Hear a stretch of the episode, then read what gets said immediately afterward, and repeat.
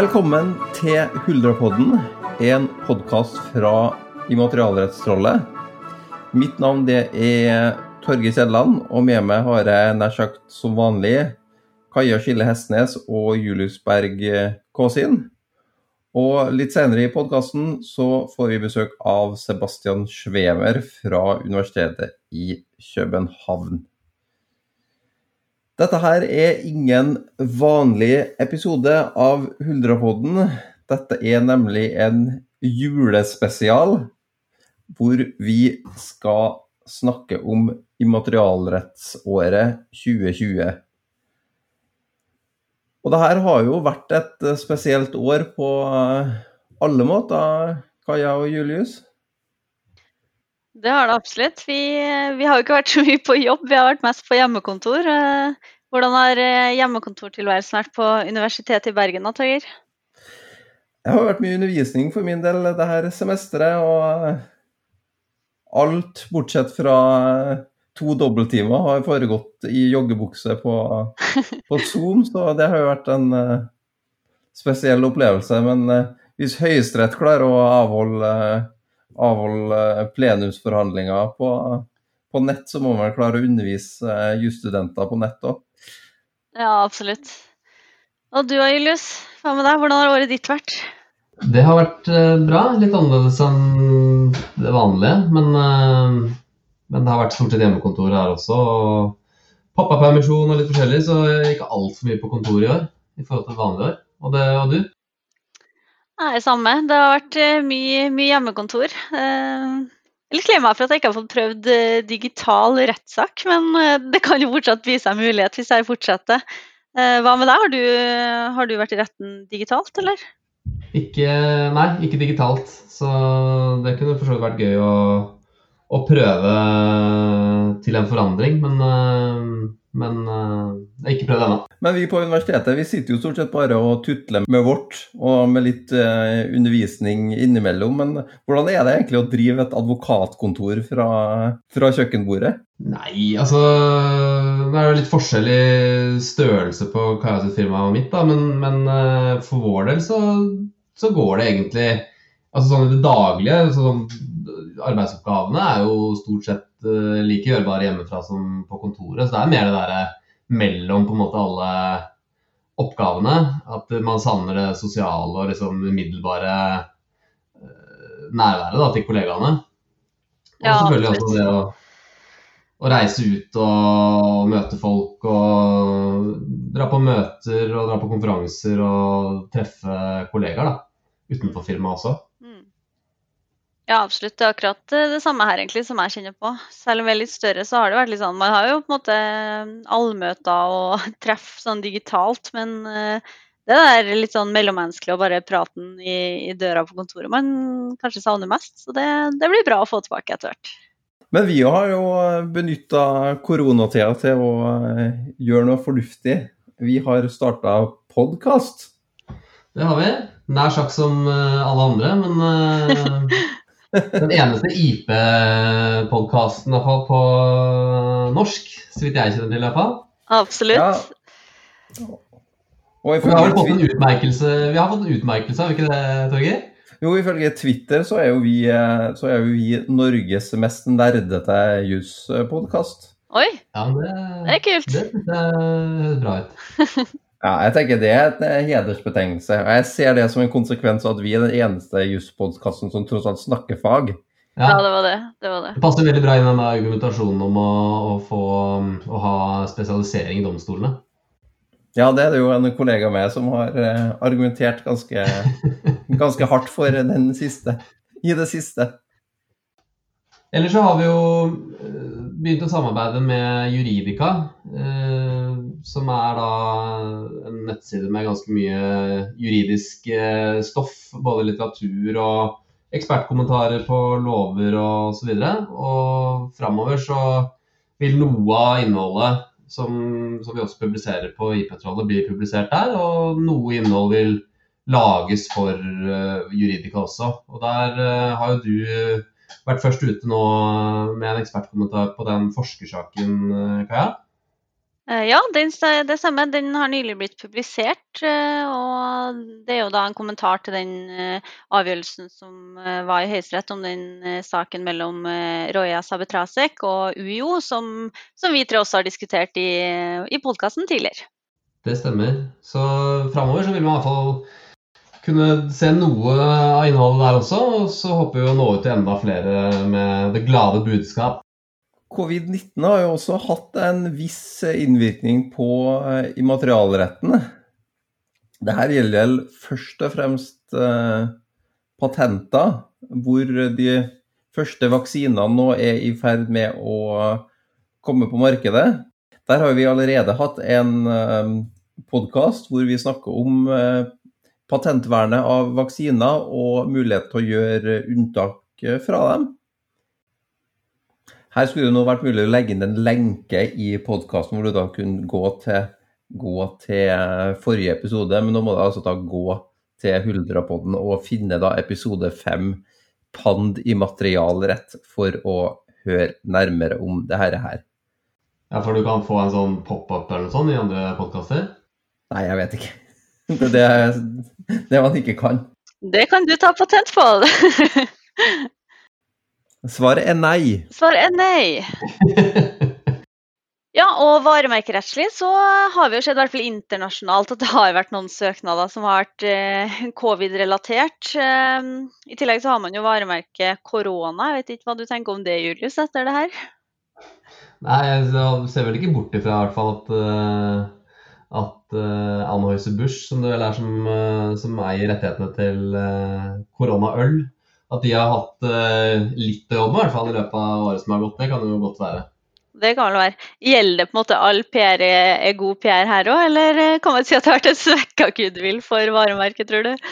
Det var vel en del, vel en del pressedekning på uh, ulike ting, egentlig, forbundet med den ølen i starten. Men uh, det begynner å bli en stund siden jeg så det nå. Jeg vet, ikke, jeg vet ikke om man kan si at all PR er god PR i den sammenhengen der. Men uh, det var både fordelaktig og mindre fordelaktig oppslag, så vidt jeg husker. Ja, det er sant det. Jeg tenker vel at de fort kan få seg et oppsving når, når vaksinene er rulla ut og man kan gå litt tilbake til, til normalen. Den naturlige skålingspartneren. Ja. Ja, sant det. Nå kan du innta korona i trygge former. Ja. Hva med opphavsretten? da, Har det vært noe som rører seg der knytta til, til, covid? Jeg tenker jo at det at mere har gått uh, gått online, uh, har reist flere nye spørsmål knytta til, til, lisensiering. Det har vi merka i uh, undervisningssektoren, at ting som man har, har tillatelse til, har lisens til når det gjelder, gjelder analog bruk eller digital bruk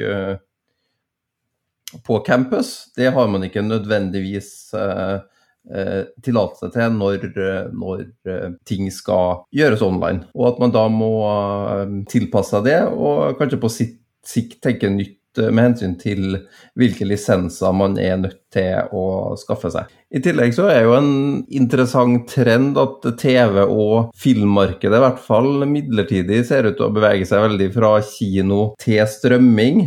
Det er vel kanskje mer et spørsmål om hvordan eh, disse markedene utvikler seg, og ikke kanskje i så stor grad et, et, rettighetsspørsmål. Men på sikt så er det kanskje interessant å se om større deler av TV- og filmmarkedet eh, beveger seg fra kinosal til, til eh, strømming online, og hva det vil bety for hvilke avtaler som, som inngås på dette feltet. Det har man vel egentlig sett eh, også forut, forut for eh, pandemien. Men, men, det jeg syns er kanskje en av de synligste eller tydeligste virkningene, er jo også timingen på lanseringene. Og måte, hvilken rekkefølge ting skjer i. Det har jo også en ganske solid side til rettighetsspørsmål. Som uh, om filmer f.eks. lanseres på, på, kino først, eller om de lanseres parallelt på, på andre plattformer da, som man kan se hjemmefra. Uavhengig om kinomarkedet tar seg opp til samme høyder igjen, så tror jeg man vil se mer av den type parallellanseringer på kino og, og online i fremtida. Ja, det tror jeg også. Og så kan man kanskje si at, eh, at det var pandemien måte kickstartet det litt, da. I hvert fall kan det se litt sånn ut. Men man kan jo stille spørsmål om en nedgang i eh, kinomarkedet vil føre til mindre og andre typer filmproduksjoner. da. Fordi at uh, man ville kanskje ikke få disse mastodontproduksjonene som, som krever en voldsom inntjening på kino, og at man heller vil uh, satse på mindre produksjoner som ikke er avhengig av en så enorm inntjening. Det har vært et begivenhetsrikt år på kjennetegnsrettens uh, område. Blant annet så har vi fått en ny varemerkelov, eller iallfall endringer i varemerkeloven, delvis da basert på varemerkedirektiv i EU. Og etter de siste signalene vi har fått, så, så vil dette tre i kraft sannsynligvis en gang på sommeren neste år. Og nå har vi vært ganske grundig gjennom Eh, disse endringene i varemerkeloven, eh, bl.a. at krav om gjengis grafisk som endres til gjengis i varemerkeregisteret, og endringer i praksisen når det gjelder sort-hvitt-merkeregistreringer. Eh, og for så vidt også disse ontro-reglene og tidspunkt for særpregsvurderinger som flyttes. Så dette snakket vi bl.a. om i episode tre av, av Hullapodden. så de som har lyst til å høre mer om alle disse eh, nye endringene, de kan eh, gå inn der og, og, høre mer om det. Og I den forbindelse er det jo også verdt å nevne disse nye endringene i tolloven. Som, eh, som, innfører den forenklede prosedyren som man har for beslag og destruksjon av ulovlige kopivarer i EU. Og så er det også en tiltredelse av Singapore-traktaten, Eh, som da angår rettsvern og kollisjonsregler for immaterielle rettigheter, som da spesielt Morten er glad for å, å se. I tillegg så har det vært uh, veldig mye praksis på kjennetegnsrettens område i år, både fra Norge og, og internasjonalt. Og det vil være helt umulig her i hvert fall å ta en gjennomgang av alt. Så, så, for de som vil vite eller lese mer om året som har gått, så kommer det en årsoppsummering av kjennetegnsretten som Morten og jeg skal skrive på nyåret en gang. Men av, av høydepunkter da, så kan man jo trekke fram spesielt denne iPhone-avgjørelsen fra, fra Høyesterett, hvor det ble fastslått at import av varer med tildekkede varemerker utgjør varemerkeinngrep etter varemerkeloven paragraf 4. Og eh, denne avgjørelsen har jo vært uh, mye omtalt uh, allerede, både på, på IP-trollet og i episode to av, av Hullrapodden. Og avgjørelsen har jo også da i den forbindelse blitt gjenstand for en viss kritikk, om ikke for resultatet, så i hvert fall for den nærmere begrunnelsen, og, og kanskje særlig linkingen opp mot Mitsubishi-avgjørelsen fra, fra EU-domstolen. Det er vel riktig å si at Høyesterett tok litt vel lett på enkelte deler av begrunnelsen i den saken, Julius? Det er i hvert fall grunn til å reise spørsmål ved om Høyesterett går litt for generelt til verks, og om man egentlig bruker Mitsubishi-avgjørelsen på, på, riktig måte. Eh, som det ble også fremhevet i den episoden av, Hullrapodden hvor Ole Andreas eh, var med, så, eh, så, så, gjelder jo Mitsubishi et veldig spesielt tilfelle. Det er ikke gitt at man kan trekke så generelle slutninger fra den avgjørelsen eh, som det Høyesterett gjør eh, i iPhone-avgjørelsen, etter min mening. Det har også vært en del interessante avgjørelser fra, fra lagmannsretten. og En av de er jo denne G1000-avgjørelsen, eh, der Borgarting lagmannsrett opprettholdt tingrettens avgjørelse om å slette fjellreven sitt ordmerke G1000 for enkelte varer, bl.a. klær, fottøy og hodeplagg i klasse 25 pga. manglende reell bruk etter varemerkeloven paragraf 37. Eh, Borgarting sin avgjørelse den ble anket til Høyesterett, men Høyesterett sitt ankeutvalg forkastet anken, og den ble da ikke fremmet for, for Høyesterett. Og Jeg kan jo for opplyse om også at det var Gjessing Jessing Reimer som, som representerte Fjellreven, så at det også er nevnt. Og dette var en avgjørelse som vår kollega Morten var litt kritisk til. Kanskje ikke fullt så, ikke fullt så kritisk som han var til denne Messi-avgjørelsen fra EU-domstolen, men likevel. Nei, Han tapte vel ikke formen like mye som da, men, uh, som med Messi, men uh, det stemmer det. og Det er jo klart at det er jo prinsipielle spørsmål her som, som, man kan diskutere. Og så får man jo bare ta til etterretning da, at, at uh, Høyesterett ikke vil behandle den, den, saken. Men for de som i hvert fall vil høre mer om problemstillingene, så kan man jo enten lese Morten sitt, uh, sin omtale av saken på, fra tingrettsavgjørelsen, og også høre Hullrapodden episode to, er det vel? Nei, Morten blir jo fortsatt, eh, fortsatt gretten når man nevner Messi i forhånd. Jeg nevnte den forhånd i dag og fikk, fikk hashtag feil tilbake. da passer det vel bra å gå inn på Messi-avgjørelsen. Det er jo kanskje den avgjørelsen fra EU-domstolen som har vært mest omtalt. Om det er pga.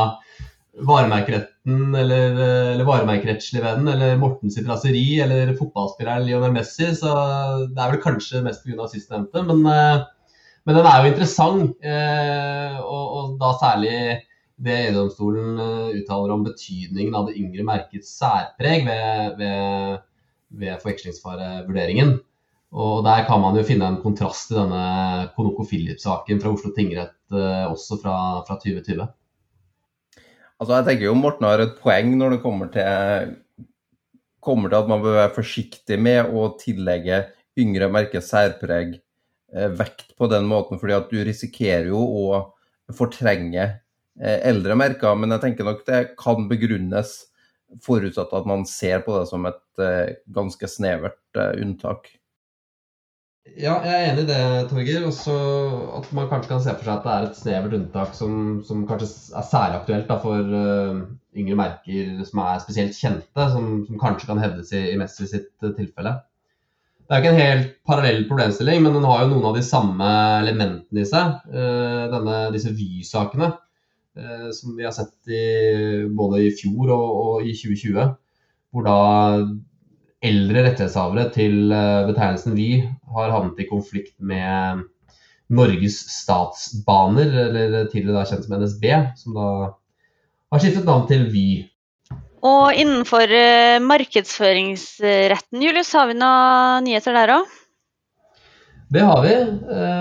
Først og fremst så har vi jo fått Eh, eller får vi ved nyttår en ny lov om forretningshemmeligheter. og Det reguleres jo i dag under, eh, under markedsføringsloven. Og den nye loven som da uh, speiler dette uh, nye forretningshemmelighetsdirektivet, tar jo sikte på å implementere dette direktivet i, i norsk rett. Og, og, og, harmonisere beskyttelsen av forretningshemmeligheter og fortrolig know-how egentlig gjennom hele Europa. Og Den uh, trer som, som, sagt uh, i kraft ved nyttår og erstatter da reglene i, i markedsføringsloven paragraf 28 og 29 bl.a. Og Foruten en legal definisjon på forretningshemmeligheter, så inneholder også da denne nye loven uh, bestemmelser om bl.a. beskyttelsesomfang og håndheving av forretningshemmeligheter, altså prosessuelle regler. Her kan man også gå tilbake på, på IP-trollet og se Eh, en oversiktsartikkel som er, som er skrevet om denne, nye, denne nye loven. Ellers så har det vært en spennende sak i Bergen, da, Torger, som vi allerede har eh, rukket å nevne her. Det har det vært. Ja, Hva, hva gjaldt egentlig denne saken litt, eh, litt nærmere? Nei, Man har jo to gondolbaner på Vestlandet. Én på Voss, Voss gondol, og én i Loen, i nærheten av Stryn. Loen Skylift.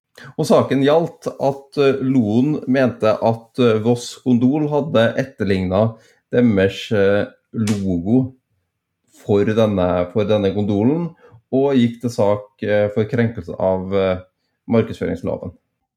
Skal jeg si noe om hvordan det gikk, eller? Ja, du må si hvordan det gikk, ja. ja, dette endte jo med at, at at uh, Loen uh, vant frem, og at, uh, at, Voss ble felt for brudd på både markedsføringsloven paragraf 30 om ulovlig etterligning og paragraf 25 om god forretningsskikk. Og Som følge av dette så, så ble også da Loen tilkjent vederlag på 1,6 millioner kroner. Og Det er jo en sak man kan si mye og mangt om. Eh, et spørsmål i saken var jo forholdet mellom eh, immaterialrettslovgivninga og markedsføringsloven. Nærmere bestemt når kan man bruke eh, markedsføringsloven som et supplement til immaterialrettslovgivninga. Og Det er også et spørsmål som har vært oppe i en annen sak. Dagens Næringsliv har gått til sak mot nyhetstjenesten Retriever. Saken den gjaldt bl.a. lenking til DNs saker som lå åpent tilgjengelig på nett, tilgjengeliggjøring av sammendrag av nyhetsartikler fra Dagens Næringsliv som Retriever hadde utarbeidet på egen hånd, utarbeidelse av medieanalyserapporter og utbud av medieovervåkningstjenester. Dagens Næringsliv de anførte et koldtbord av eh, rettslige anførsler. For det første hvorvidt sammendragene innebærer en, et inngrep i Dagens Næringslivs opphavsrett til artiklene som ble referert i sammendragene. For det andre om sammendragene innebar et inngrep i Dagens Næringslivs databasevern. For det tredje om lagring og tilgjengeliggjøring av innhold som var distribuert til Retriever før mai 2017 var i strid med eh, en eldre avtale om eh, bruk av innhold. For det fjerde om Retrievers bruk av utdrag fra Dagens Næringsliv i diverse medieanalyserapporter kunne begrunnes i sitatretten. Og for det femte om eh, Retrievers bruk av Dagens Næringslivs ordmerke, logo og kombinerte merke innebar et varemerkeinngrep. Retten de fant at det verken forelå noe opphavsrettsinngrep, noe inngrep i databasevernet eller eh, et varemerkeinngrep. Retten fant imidlertid at eh, Retrievers bruk av eh, innhold relatert til Dagens Næringsliv var i strid med reglene om god forretningsskikk i markedsføringslovens paragraf 25.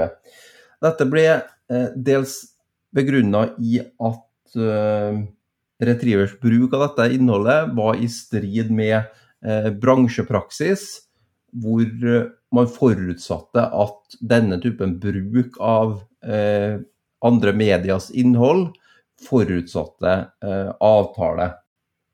Jeg tenker jo det er en konklusjon som kan diskuteres, og at rettens argumentasjon her smaker litt av et uh, sirkelresonnement, hvor man til dels trekker inn momenter som bruk av andres åndsverk, som man allerede har konstatert at ikke foreligger, under drøftelsen av om det foreligger et uh, opphavsrettsinngrep. Gitt beløpet eh, Retriever ble pålagt å betale Dagens Næringsliv, så er det ganske klart at denne saken kommer til å bli anka, så siste ord er nok ikke sagt her. Ellers så er det verdt å nevne denne saken mellom DNB og Ski Invest eh, om bruken av eh, dette varemerket hashtag 'hun investerer'. Og her var jo spørsmålet om DNB ved bruk av dette slagordet hadde opptrådt i strid med markedsføringsloven paragraf 30 eh, om ulovlig etterligning, og, eller paragraf 25 om, om god forretningsskikk. NKU kom til at eh, DNB hadde brutt paragraf 25 om god forretningsskikk, men ikke at de hadde brutt eh, paragraf 30 om ulovlig etterligning, fordi de ikke anså at det forelå noen etterligning. I ettertid så har eh, derimot partene eh, inngått eh, forlik, og det kan derfor se ut som at denne saken har fått sitt endelige punktum. For de som har lyst til å lese mer om den, så kan man gå inn på IP-trollet og finne fram til Kristine Juel Johnsen sin omtale av saken fra litt tidligere i høst. Ja, det har skjedd masse spennende i, i markedsføringsretten. Hva med opphavsretten, Torgeir? har jo egentlig vært et rolig år sammenligna med i fjor, i hvert fall. Hvor man hadde flere store saker i EU-domstolen, eh, og også to saker i, eh, i Høyesterett. Man har fått et forslag om eh, lov om kollektiv forvaltning, som gjennomfører EUs direktiv om det samme. I tillegg så går jo arbeidet med gjennomføringa av digitalmarkedsdirektivet fremover. Her inviterte Kulturdepartementet på fredag til å komme med innspill, bl.a. til gjennomføringa av digitalmarkedsdirektivet og nett- og videresendingsdirektivet. Men her har man jo kommet litt lenger nedover i Europa, og det er jo noe vi skal snakke mer med Sebastian om senere i episoden. Ja, heller ikke innenfor designretten så har det vært uh, altfor mye action i år. Uh, egentlig likt som de siste årene. Uh, men vi har for første gang på en god stund fått en avgjørelse fra K4 knytta til design. Der var hovedspørsmålet hva er det egentlig som utgjør et design. Det var søkt design for en hel bok, eller faktisk hele fire bøker, slik jeg har forstått det. Eh, men både Patentstyret og K4 kom da til at den gjengivelsen som var gjort av det søkte designet, det ga ikke uttrykk for et produkts vareutseende. Eh, og det kunne derfor ikke mm, fås design på denne eh, e-boka, som det da var. Og Eh, en del av avgjørelsen knytter seg egentlig til hvordan eh, skal man innsende dokumentasjon til Patentstyret i slike typer saker. Hvordan kan man på en måte bevise eh, det produktets vareutseende som produktet har. Da. Og et poeng i saken her er at Patentstyret tidligere hadde tillatt denne type søknader som var gjort da, gjennom dette filformatet, bl.a. fra også denne søkeren men har i ettertid kommet til at det var en form for feil rettsanvendelse. Og KFI presiserer egentlig helt innledningsvis at det er Patentstyret som fastsetter de nærmere kravene til bildene og, og lagringsformater. og Klager kunne derfor ikke på en måte høres med at han måtte få levere inn designet i et sånn selvvalgt format. Da. I dette sagt var vel det sånn Adobe InDesign. Um, saken reiser også en del andre spørsmål, og den vil vi også omtale nærmere på bloggen over nyttår i oppsummeringa av designrettsåret. Ellers har det jo vært litt grann, uh, å melde fra, fra, patentretten, har det ikke det, Kaja? Ja, det stemmer det. Uh, vi har jo fått en nylig avsagt avgjørelse fra Høyesterett knytta til uh, arbeidstakeroppfinnelsesloven. Eh, det er den såkalte forskersaken, hvor det var Roya Sabetrasek, en tidligere forsker ved odontologisk fakultet ved UiO, som saksøkte UiO fordi deler av hennes forskning ble brukt av et eh, svensk selskap i patentsøknader. Og det viste seg at veilederen da, til, til, stipendiaten, Sabetrasek, hadde hatt kontakt med det her svenske selskapet Eh, hvilket eh, Sabetrasek ikke var kjent med. Hun var i hvert fall ikke kjent med at eh, hennes forskning skulle bli benytta i de her patentsøknadene. Vi har snakka en del om den saken her. Spørsmålet for Høyesterett var som nevnt i, Huldrapodden episode fire, hvorvidt Sabetrasek hadde krav på rimelig vederlag etter arbeidstakeroppfinnelsesloven paragraf 7. Eh, og det sentrale spørsmålet for Høyesterett var da om Sabetrasek hadde gitt fra seg eh, retten til oppfinnelsen, om den da var overdratt til UiO. Hvilket Høyesterett kom til at ikke var tilfellet, og Sabetrasek fikk derfor, derfor heller ikke noe, noe vederlag for det. Man har også hatt eh, fremdrift når det gjelder den felleseuropeiske patentdomstolen UPC. For der har man jo vært litt på vent. Litt pga. brexit og spørsmålet om hva som vil bli konsekvensen av det, men i hovedsak fordi Tyskland har eh, unnlatt å ratifisere eh, avtalen om et felleseuropeisk eh, patent, fordi det kom et søksmål som anførte at den tyske loven som ratifiserte denne avtalen om en felleseuropeisk patentdomstol, var ugyldig fordi at avtalens overføring av domsmyndighet til en internasjonal domstol innebar en vesentlig endring av den tyske grunnloven, som skulle ha vært vedtatt med eh, to tredjedels eh, flertall. 20.3 i år så kom eh, den tyske konstitusjonsdomstolen til at det var tilfellet, og at eh, denne loven som ratifiserte avtalen, var ugyldig. Siste utvikling i saken det er at man nå er i ferd med å stable på plass ny lovgivning som ratifiserer denne avtalen, men nå da med det tilstrekkelige to tredjedels flertall. Et annet spørsmål knytta til denne felleseuropeiske eh, patentdomstolen er jo at Storbritannia er i ferd med å gå ut av EU. Storbritannia har ratifisert eh, avtalen om en felleseuropeisk patentdomstol, UPCA, men de har nå eh, erklært at de ikke vil opprettholde dette medlemskapet etter brexit. Storbritannia kunne muligens ha opprettholdt medlemskapet dersom Tyskland hadde ratifisert avtalen før Storbritannia gikk ut av EU, men det er uansett en teoretisk diskusjon på det her punktet.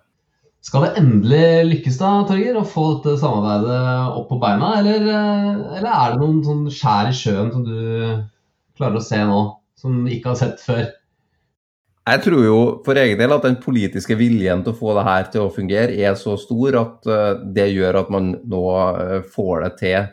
Men det at Storbritannia ikke eh, blir med i samarbeidet, innebærer jo at man er nødt til å, å eh, på et eller annet sett endre avtalen. Fordi sånn som avtalen står nå, så er ratifikasjon av Tyskland, Frankrike og Storbritannia en forutsetning for at avtalen skal kunne tre i kraft. Og uansett så må vel avtalen endres for å flytte det planlagte underkontoret fra London, i og med at Storbritannia da ikke skal, skal være med i eh, samarbeidet.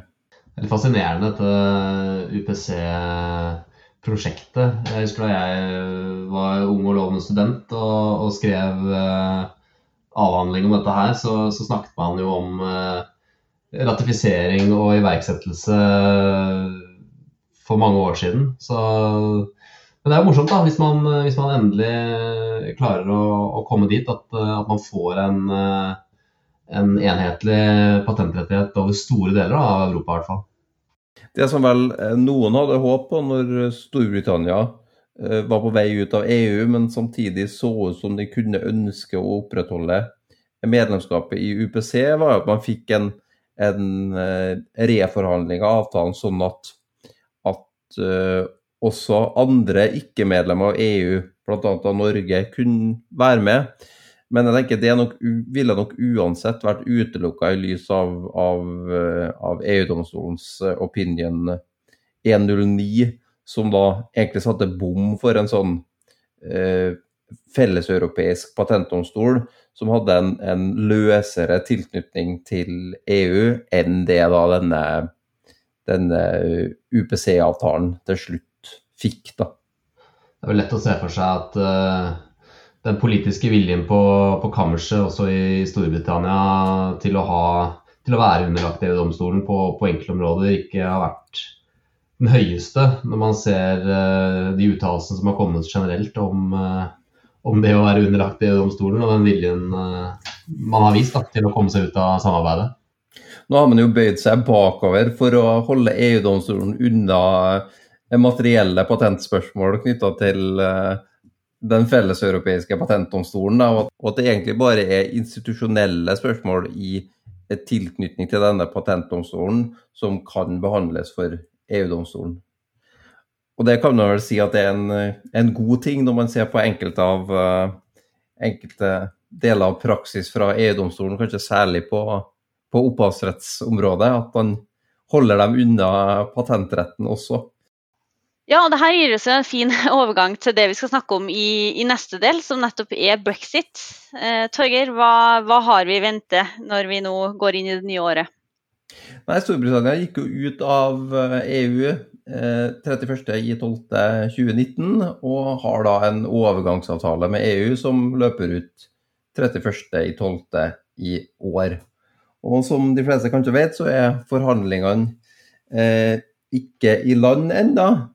Jeg tenker jo at man kommer i land eh, med en avtale, eh, enten gjennom en forlengelse av den eksisterende avtalen, selv om det tror jeg ikke nå Storbritannia vil, men mest sannsynlig i form av en, en, en endelig utmeldingsavtale. Og signalene nå er vel, at, er vel at, Storbritannia er villig til å godta en, en litt større tilknytning til, til, EU, en litt større tilknytning til til EUs eh, e regelverk enn de tidligere har vært, og at det kan åpne for at man kommer til enighet. Og for vårt anliggende, da, hva slags betydning vil det her ha egentlig for immaterialrettighetene? Nei, immaterialrettighetene er jo i stor grad uh, harmonisert på EU-nivå. Og for enkelte rettigheter, bl.a. Varemerker og design, så har man jo egne EU-rettigheter som gjelder i hele unionen, som da vil opphøre å gjelde for Storbritannia. Men har de, har, har de, erklært at de skal ha noe tilsvarende vern? Vil de følge regelverket på noen som helst måte? Hvordan skal vi forholde oss til det her? Nei, Storbritannia har jo erklært at de for EU-varemerker og EU-design vil gi rettighetshavere da, som har søkt om EU-design, som frem til nå har vært gyldig i Storbritannia, at de vil gi rettighetshavere til, til denne type rettigheter et, et tilsvarende vern etter britisk rett, da, som viderefører de rettigheter man, eh, man, eh, hadde og fortsatt har med hensyn til resten av EU, og viderefører de i eh, Storbritannia. Det kan også legges til der at de EU-varemerkene eller designene som, som, fremdeles er under behandling, altså som fremdeles er søknader uh, ved nyttår, de vil da kunne videreføres i, i Storbritannia med da utgangspunkt i samme eh, prioritet som EU-søknadene eh, e har.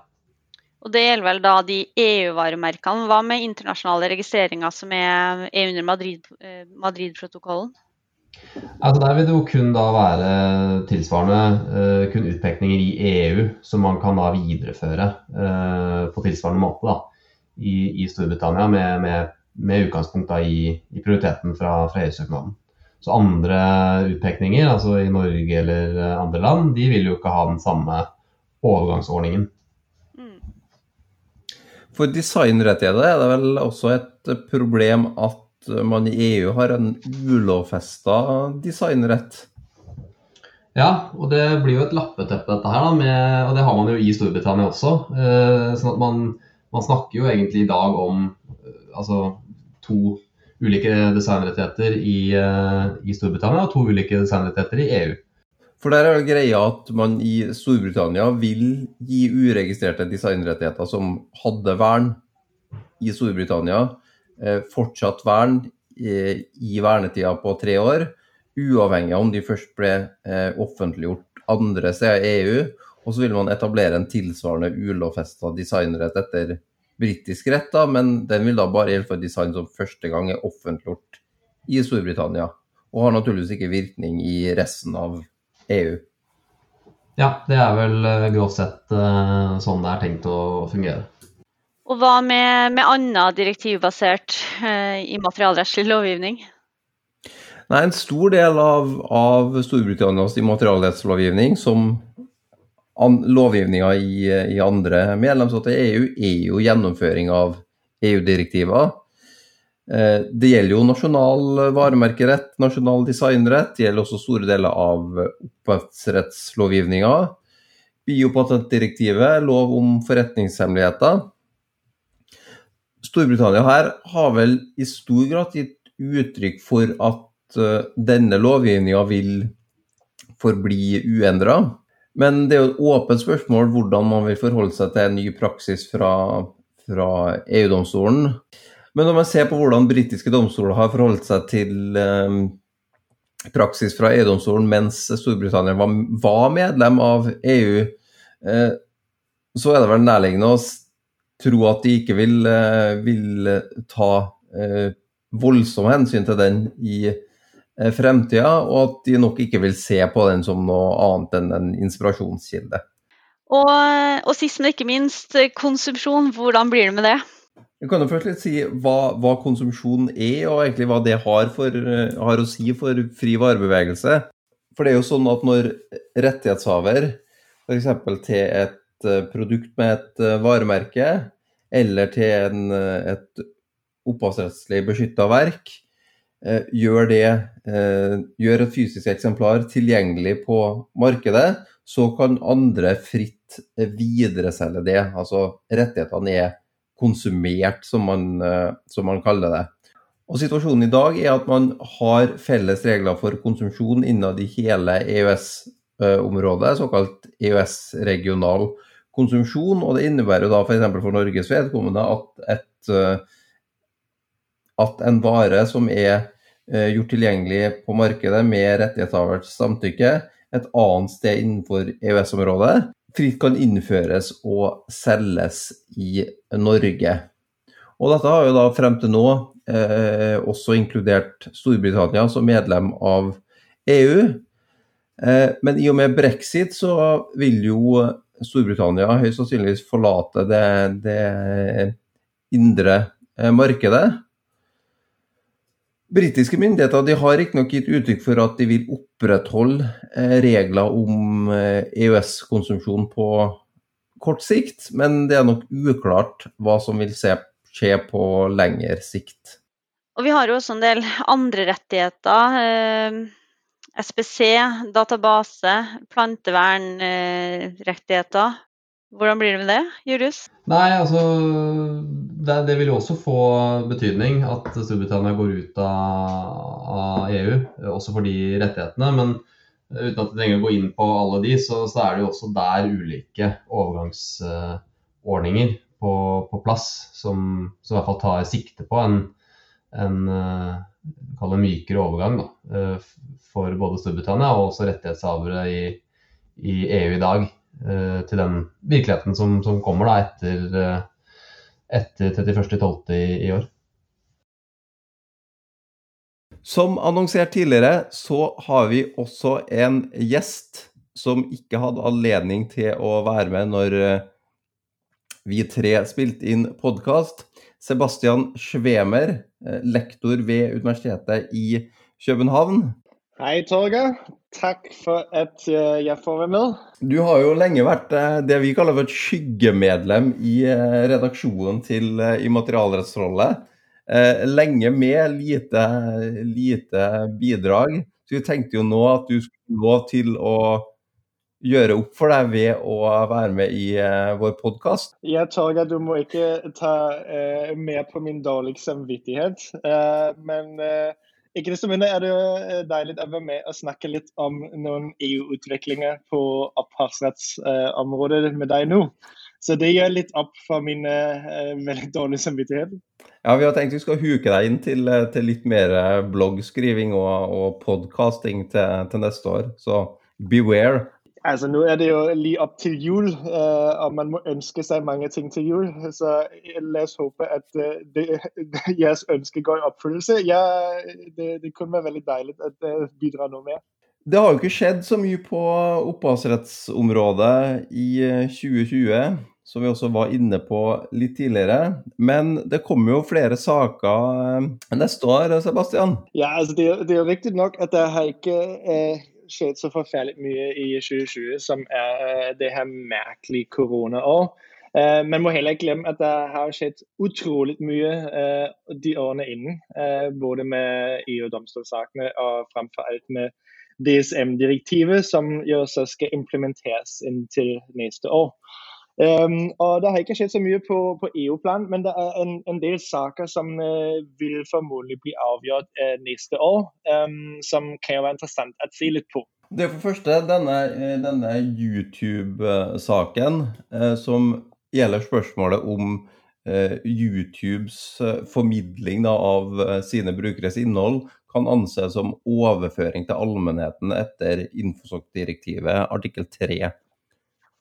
Ja, og det er et uh, superspennende spørsmål. Um, det er jo ganske interessant at uh, her, uh, det her egentlig først nå er frem for EU-domstolen.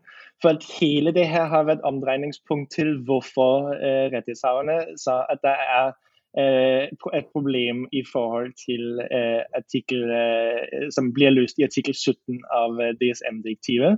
Så spørsmålet er eh, om YouTube selv eh, foretager en eh, overføring til allmennheten ved at brukerne uploader ting på deres plattform. Um, og Det er en sak som uh, er sammenlagt, altså YouTube Siando-saken. og den danske generaladvokat Henrik uh, Sammonsgaard Ø uh, kom med sin uttalelse i juli i år. Um, og den er ganske interessant. Den er, den er, en lang lesning, så om noen har tid over julehelgene, så er det sikkert fint å lese litt i den.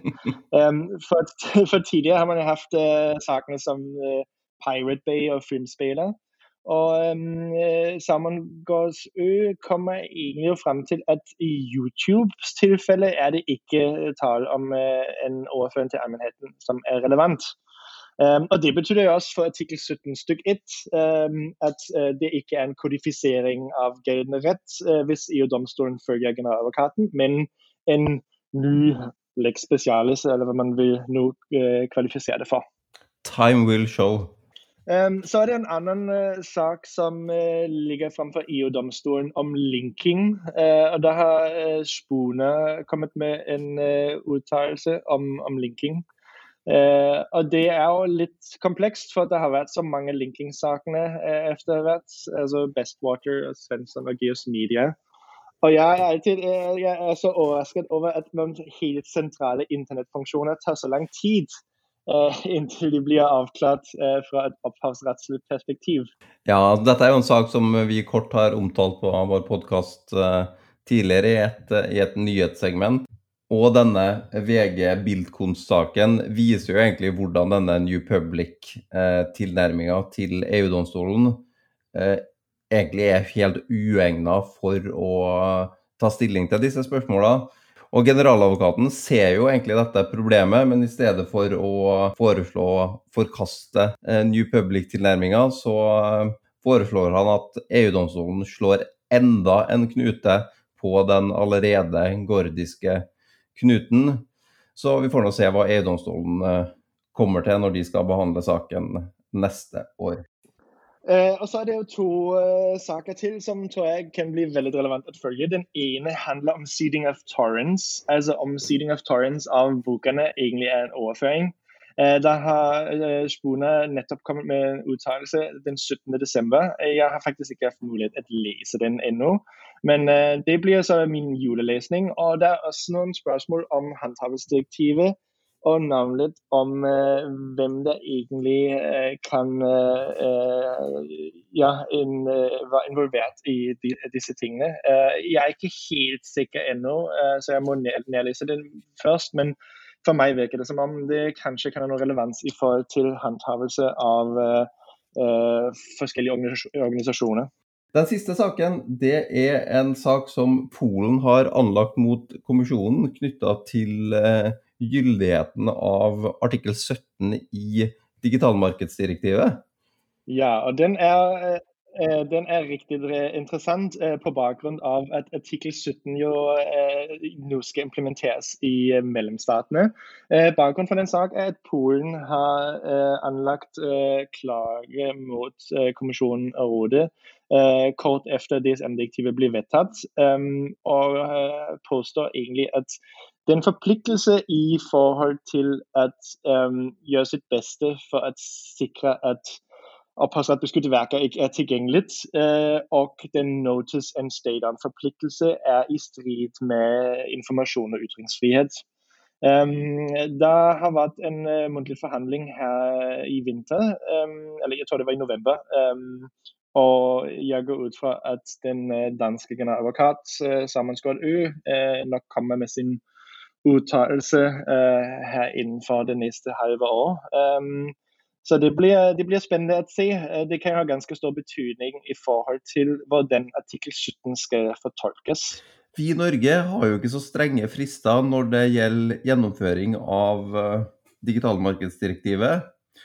Her har Kulturdepartementet som nevnt nettopp tatt initiativ til en innspillsrunde.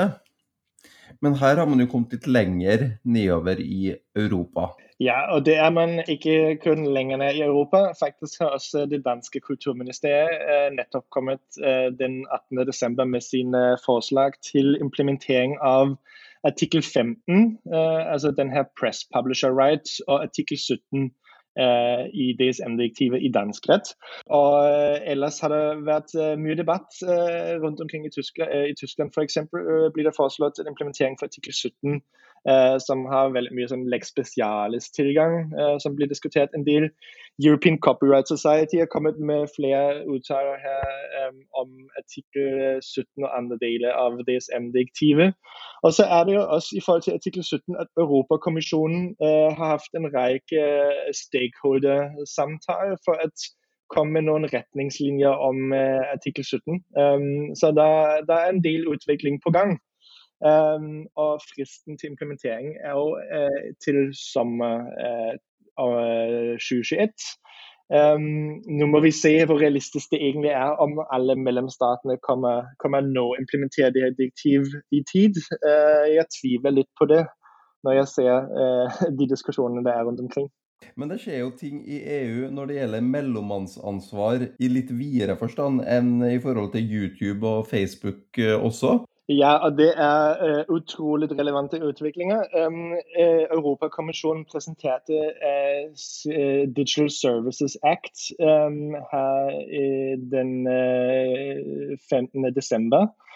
og det er en revisjon um, av e-handelsdirektivets bestemmelser om ansvarsfritakelse. både for hosting, altså plattformene, eh, men også cashing og mye conduit, eh, internettutbydere. Um, og Det er ganske interessant, for at uh, man skal ikke glemme det var så mye snakk om artikkel 17. Men artikkel 17 uh, i DSM-direktivet handler om online innholdsdelingstjenester, altså YouTube, uh, Facebook, Instagram osv. Men alle andre mellommenn på nettet, deres ansvarsfritak er definert i e-handelsdirektivet. Nå har EU-kommisjonen eh, åpnet opp for en diskusjon om de her grunnleggende regler eh, og hvordan de skal se ut fremover. Hva foreslår eh, kommisjonen egentlig i, eh, i denne Digital Services Act? Eh, altså det som er ganske interessant, er at EU-kommisjonen foreslår at de gamle ansvarsfritak eh, bibeholdes nesten som de er. Eh, men derimot kommer det en rekke forpliktelser til alle mellommenn, og navnlig eh, de store plattformene i forhold til transparens eh, osv. Men grunnleggende grunnprinsippene bibeholdes etter det forslaget. Så Det ser ut som det blir et spennende opphavsrettsår i 2021 også? Det blir det absolutt. Jeg tror det kommer noen uh, utrolig spennende utviklinger fra EU-domstolen. Og mange av de her spørsmål som uh, skal bli besvart på i 2021, er jo utrolig sentrale for, den, uh, for opphavsretten og den grenseflate mellom opphavsrett og internett. Vi måler en artifakta, som Morten kaller det den gangen her. Og Kaja, hva har du gravd opp for oss? I dag har vi gravd opp en sak fra Hamar Arbeiderblad, hvor julefreden ikke har senka seg, for å si det sånn. For der er det en kebabkrangel mellom to spisesider som har et nesten helt likt navn. Eh, og de ligger også side om side da, i, eh, i Bekkegata. Og den ene kebabrestauranten den heter for BBQ, mens den andre heter for Bar BQ. Det blir spennende å se utfallet av den saken. Det ryktes at de skal møtes i retten, og Huldrapodden og IP-trollet følger selvfølgelig saken med stor entusiasme. Var det ikke på Hamar at, eh, at denne Stortorvet gjestgiveri-saken også oppsto? Eller iallfall eh, at det var der det var en av disse to restaurantene som var? Det stemmer, det. Det, det er mye materialrett på Hamar. Ja, det får du si. Altså, virkelig. Det må jo være en sånn uoffisiell eh, hovedstad for eh, mer eller mindre generiske restaurantnavn. ja, det tror jeg man kan si. du har nå hørt på en julespesial av Huldrapodden, en podkast fra Immaterialrettsrolle, en blogg om immaterialrett tilgjengelig på iptrollet.no. Vi er tilgjengelige der du hører på dine podkaster, bl.a. på Apple Podcasts og Spotify. Gi oss gjerne en anmeldelse. Fem stjerner, selvfølgelig.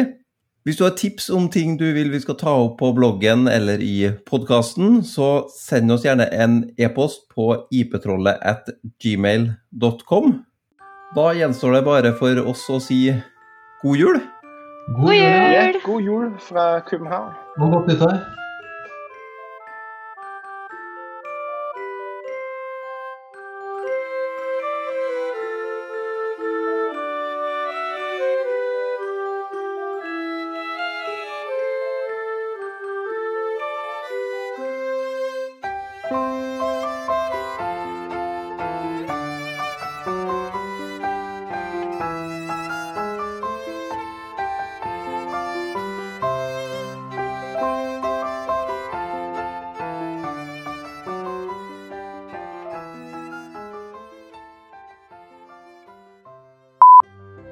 Og nylig kom også denne svaneavgjørelsen, denne svanesaken, eh, om reell bruk av varemerker etter eh, paragraf 37 når det gjelder forholdet mellom overkategorier og, underkategorier av varer. Hvor da svanens bruk av Nei. Nå begynner det å bli seint. Skal vi se, ta hele dritten her på nytt, jeg.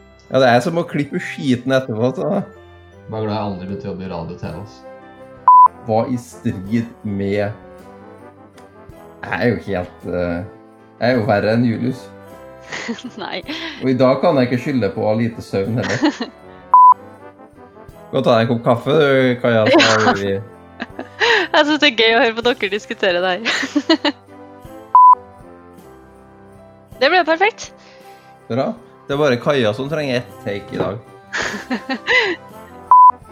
Ja, det siste dropper vi. Det siste må du kutte. Jeg kan prøve å huske på, huske på det. Ja, du, jeg ringer deg hvis du glemmer det.